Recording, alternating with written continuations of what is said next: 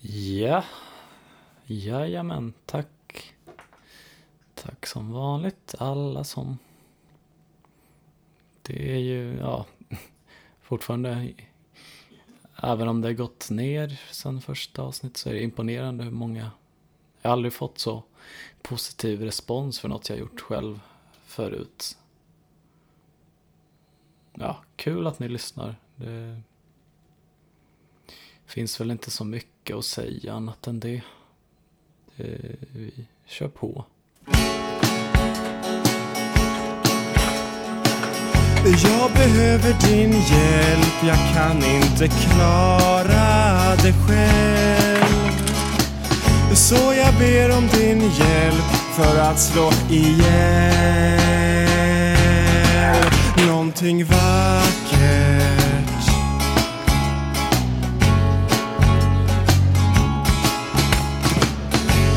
Jag klarar mig själv ganska bra tycker jag. När det kommer till att slå ihjäl, slå ihjäl tiden. Vi tror på tiden, att det är något vi behöver.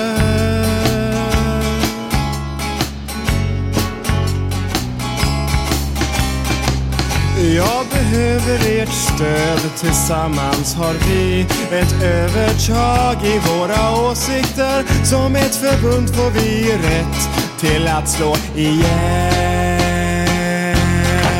någonting vackert.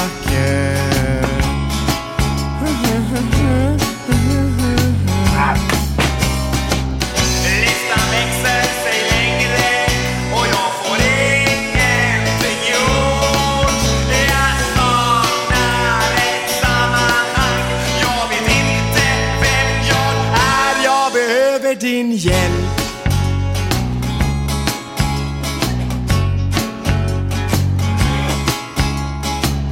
Jag har sträckt ut en hand och funnit ett överflöd En överdriven mängd händer i min Nu sitter vi i mitt rum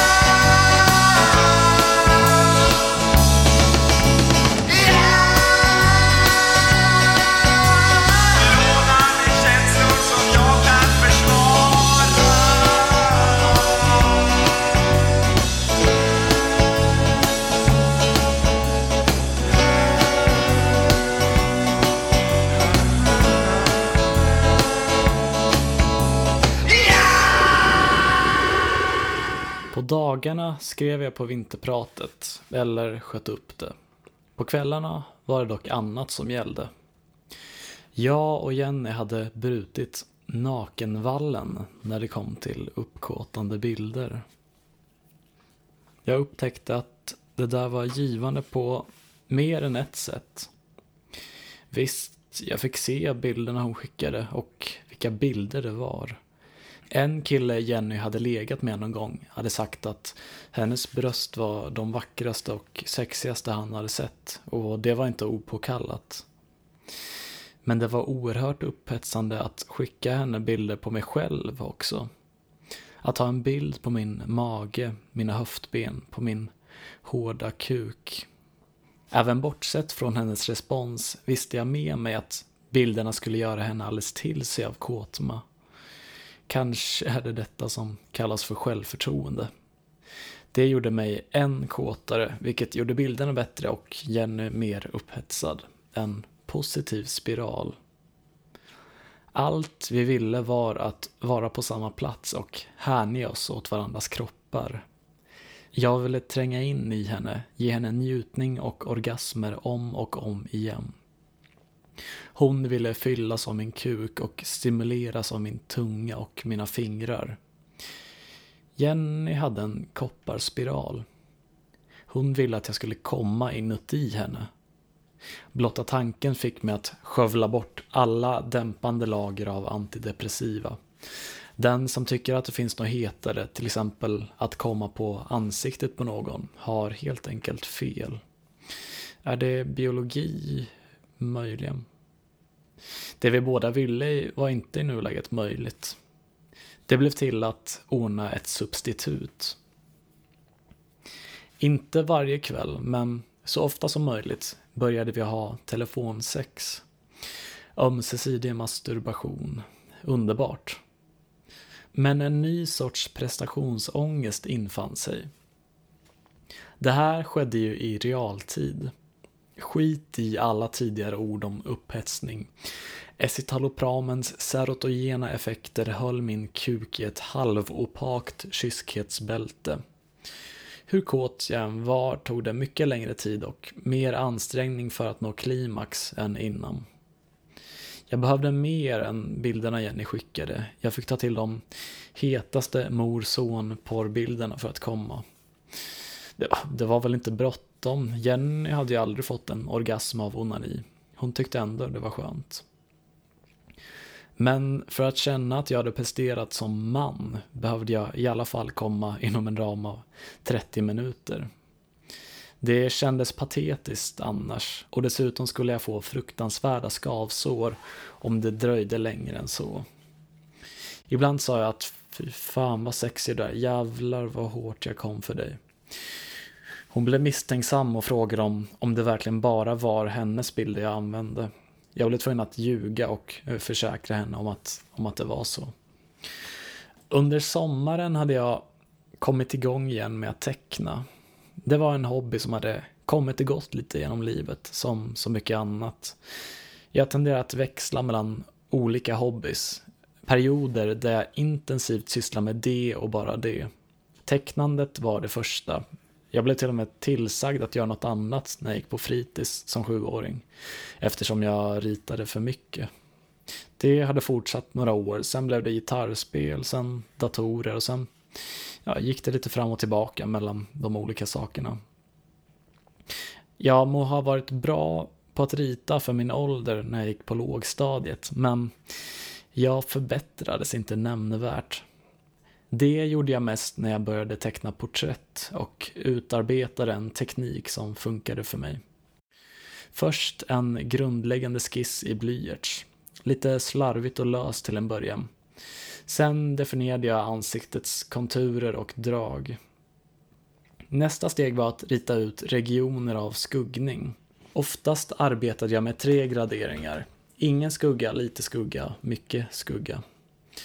Det sista steget var att fylla i alla konturer med en reservoarpenna och arbeta med crosshatching för skuggningen. Parallella täta streck för skuggpartierna och sen ytterligare parallella streck fast vinklade lite för de riktigt mörka delarna.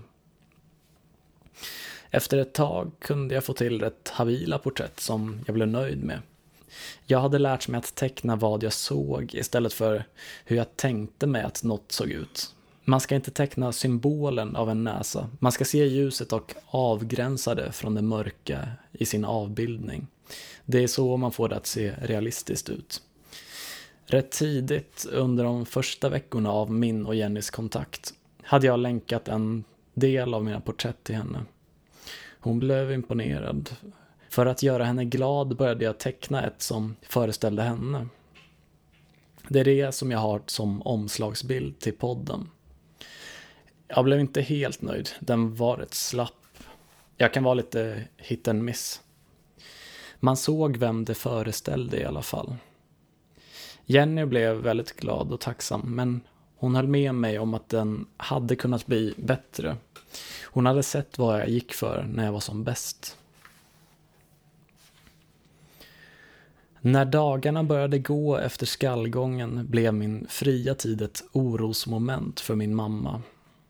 En kväll när hon och min låtsaspappa skulle vara borta och komma hem först sent på natten bad hon mig åka till mormor och morfar och äta samt tillbringa, inte spendera, det rättade Jenny mig gång efter gång, kvällen i deras sällskap. Mor min litade inte på att jag skulle klara mig bra själv i mina egna tankar. Speciellt inte om jag fick något dåligt besked. Beskedet dröjde ett par dagar.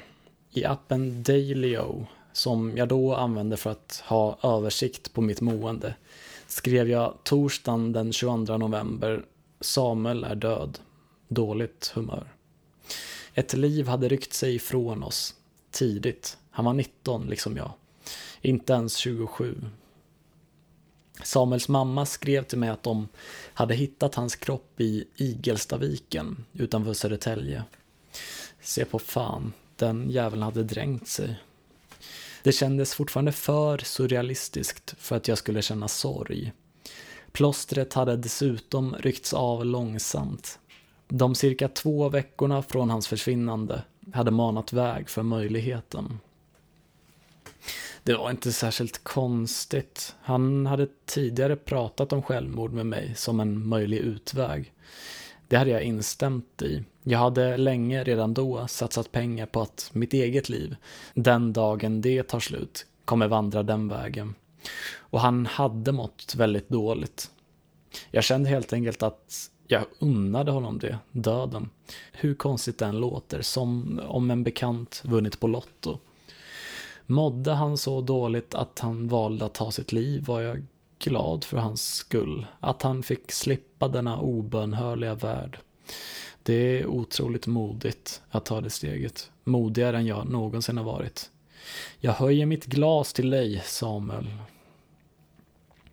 Som förväntat visade Jenny stor sympati och även andra bekanta jag hade pratat om det med.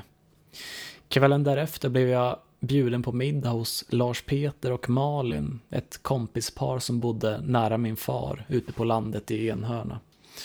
Det var så vi lärde känna dem. De anordnade en liten gårdsfestival sommaren innan, som jag och min pappa gick på efter att ha fått en lapp i brevlådan. Till vår förvåning var det ett väldigt proffsigt evenemang och bra musik, jävligt bra. Mycket folk. Både Lars Peter och Malin var oerhört trevliga, intressanta och sympatiska personer. Lars Peter sysslar med musik. Det var en låt av honom ni hörde i början av avsnittet. Och Malin är fotograf, jobbar främst med bröllopsfoton.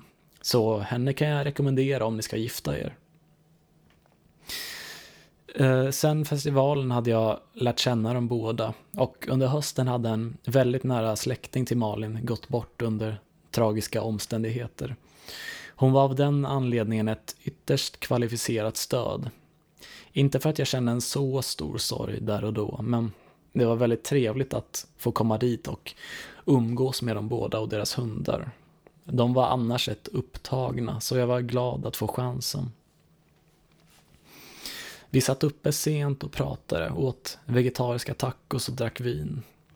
Jag berättar om Samuel, men också om Jenny, om vår första dejt på Glada Stinsen och allt som hade hänt sedan dess.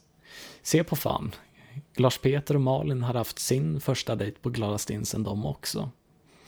Jag läste upp det jag hade skrivit på manuset till mitt alternativa vinterprat. Även de blev imponerade.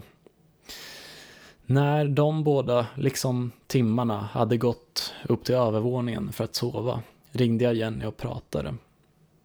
Snart december, julen närmade sig. Vi pratar julmusik. Jag tipsade om min favoritjulskiva, Stjärnhästen av bandet Folk och Rackare. Staffan var en stalledräng, allt var den ljusa stjärnan vattnar sina fålar, vem ser vi nu så gärna? Ingen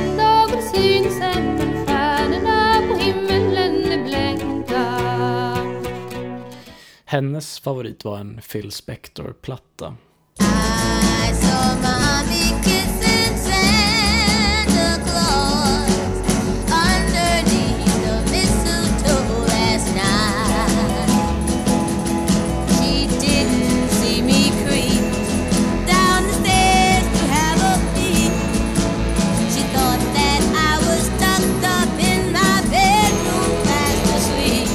I vild association försökte jag ta upp Jeff Mangums liveplatta Live at Jittery Joe's, men kom av mig när jag skulle beskriva allt kringliggande.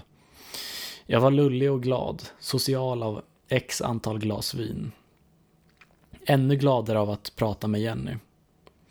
Jag nallade ett eller två glas vin ytterligare. Lådan var fortfarande tung. Vi sa godnatt. Jag hoppades att jag skulle drömma om henne. Hon tänkte på mig. Men min sociala törst var outsläcklig. När jag kollade till parklivschatten anslöt jag mig till ett gruppsamtal någon hade startat. Denna någon var den falkonälskande dalkaren Mats Fogt. En hårdrockare som bodde i Västerhaninge. Just ja, han mindes jag från novemberfesten. Först flera månader senare insåg jag att det var han K. Svensson hade pratat om i ett avsnitt av Arkivsamtal. Han som livestreamade på Facebook, MTV, Mats Television. Kvinnan som hade bjudit in mig till parkliv var också med, Linda. Det blev ett långt samtal, två, tre timmar. Båda två tyckte att det var löjligt när jag beskrev det tilltänkta scenariot varvid jag skulle bli av med oskulden. Möjligen skulle jag och Jenny boka en hytt på en dagskryssning till Åland. Men det var spekulativt. Annars hade vi kommit fram till i diskussion kunde vi alltid nyttja någon bartoalett. Kanske Glada Stinsen, kanske Manhattan, ett ställe Jenny hade druckit på med sin kompis Petra kvällen innan vi träffades. Vi hade till och med fantasier om att göra det i något avsides bås under bordet, så att säga. Allt förkastades av Mats och Linda. Det minsta man kunde kräva av något av denna kalibern var ett hotellrum. Men jag hade inte så mycket pengar försökte jag. Och både jag och 38-åringen, som Jenny var känd som, var okej okay med läget. Äh, Bah! humbug. För något så stort som detta kunde de båda tänka sig bidra med en liten slant. Och så kom det sig efter fler stulna glas vin eh, förlåt Lars Peter och Malin om ni hör det här. Jag, ja, jag var en känslig period. Eller det var jag kanske inte. Jaja. Efter fler stulna glas vin och trevligt snack en ljuvlig natt mellan fredag och lördag, sena november 2018, så kom det sig att jag började skriva ett inlägg för att crowdfunda en hotellnatt där min oskuld skulle tas ifrån mig och stanna för all framtid. Citat. Hej. Jag ska bli av med min oskuld och behöver ett hotellrum till ändamålet. Linda Berglund tyckte att jag skulle tigga pengar i gruppen. Jag har inga stora förväntningar, men tänkte prova i alla fall. Givetvis tar jag inte emot mer än vad hotellrummet kostar och kommer redovisa med kvitton och allting. Jag tänkte mig en natt på First Hotel med min kvinnliga vän och ett dubbelrumbudget med fönster skulle kosta 718 kronor. Så det är allt jag ber om. Mitt nummer på Swish är 073-875 5896. Hint hint till er som lyssnar. Misstänker ni att det försiggår några oegentligheter eller fuffens får ni gärna uttrycka detta. Jag vill inte lura någon på pengar. Men jag tror inte att skäl kommer finnas. Det var ett inlägg i Parkliv då alltså. Jenny tyckte det var riktigt roligt. Jag också. Det, det är en jävla stark story att ha crowdfundat sin sexdebut. Låter det också som att prostitution är inblandat. Det var det inte. Bidragen började komma in. En av personerna som skänkte pengar var Jennys vän Petra. De hade varit väldigt nära som tonåringar, men det hade skurit sig när det visade sig att Jenny hade tagit droger. Knark! Först för något år sedan hade de tagit upp kontakten igen. Petra hade författarambitioner Och hon skrev just nu på en roman om en kvinna i ett olyckligt äktenskap som var otrogen. Hon blev väldigt inspirerad av min och Jennys grej och började få idéer till, till nya litterära projekt. Hella Hells bekännelser heter en bok av Unni Droge, eh, av Jenny beskriven som det täckarkönets Lolita. Den gillade hon, fast riktigt så snuskig var väl inte vår historia. Robert gjorde en kommuniké i Parkliv där det första han tog upp var mig. Den biten lät så här. Bagarmossen 27 november 2018. Här följer en kommuniké från Parklivs centralkommitté. Först en eloge till den nya stjärnan på content-himlen.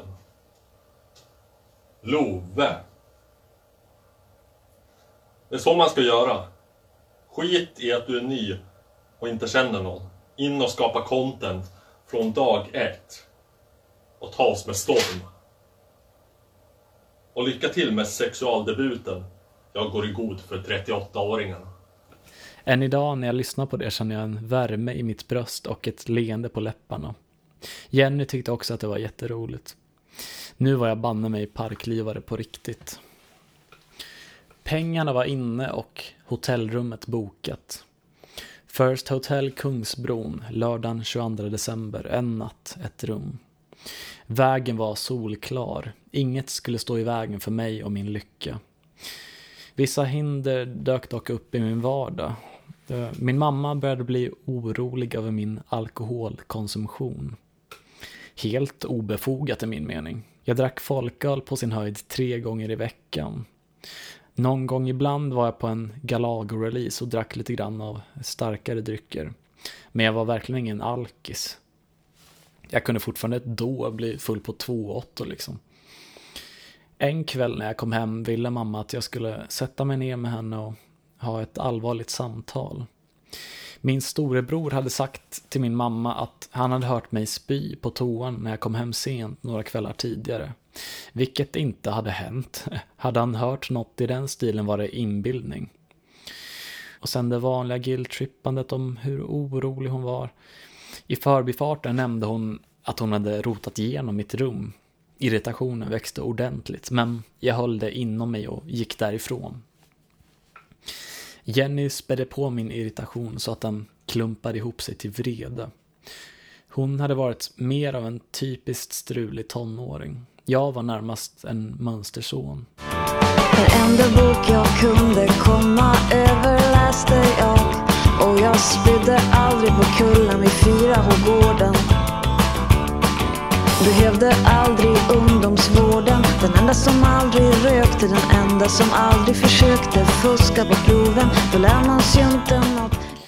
Och det var ett intrång att rota igenom mitt rum sådär. Till slut bubblade en konfrontation upp till ytan. Jag sa ifrån på skarpen. Kanske lite för skarpt. Men jag hade Jenny i ryggen. Det blev jävligt jobbigt. Det skar verkligen i hjärtat att starta bråk med min egen mamma. Men det måste tagit emot ännu mer att hålla det inom mig.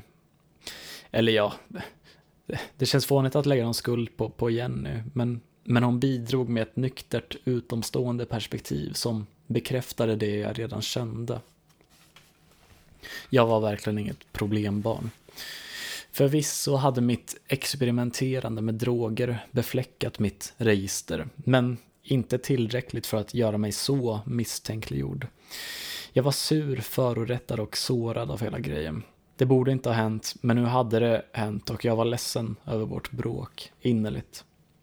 Jennys perspektiv må ha varit nyktert, men det kunde man inte säga om henne i övrigt.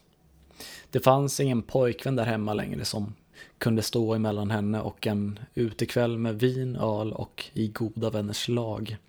Just det uttrycket stördes Jenny väldigt på att jag ibland använde. Som jag uppfattade blev det lite för mycket, lite för ofta. Förde jag det på tal blev hon väldigt irriterad så, jag, så det lärde jag mig snabbt att undvika. En gång skrev hon lite skamset till mig att hon hade visat en av mina kukbilder för en kompis under en utekväll. Hennes kompis, enligt Jenny, blev imponerad. Förmodligen en västning. Jag spelade en viss upprördhet, men jag, ja, jag berättade att jag hade skrutit om henne i lite för noga detalj. Dock inte visat några bilder på annat än hennes ansikte. Mest tyckte jag det var kul. Som så mycket annat med min kropp hade jag varit osäker över mitt organ. På sin längd av 13-14 cm i erigerat tillstånd är den inte ens över genomsnittet. Det verkar ligga ganska exakt på det svenska. Men Jenny sa att omkretsen, tjockleken, var viktigare. Där låg jag bättre till på ungefär 13 cm. Och viktigast av allt kunde den ju upphetsa en person. Jag hade fått itutat i mig att ingen kvinna gillar kukbilder. Men Jenny älskade mina bilder. Hon älskade min kuk. Och kanske kunde Jennys skotska kompis uppskatta den också. En annan gång skrev hon en lite känsligare sak till mig på fyllan. När vi pratar om kvällarna, eh, varvat av vanligt snack och mer djupgående samtal om våra känslor och komplicerade relationer till familjemedlemmar, kom vi då och då tillbaka till elefanten i rummet. Våra känslor för varandra. Tidigt hade vi kommit överens om att det var okej att vi tyckte om varandra, så länge vi inte tyckte om varandra för mycket. Så länge ingen av oss blev beroende av den andras bekräftelse för att må bra. Det hade vi båda dåliga erfarenheter av. Sånt är ju dock svårt att kontrollera. Det kan vara bra att vara öppen om den typen av interpersonella känslor, men inte för öppen, det kände jag på mig.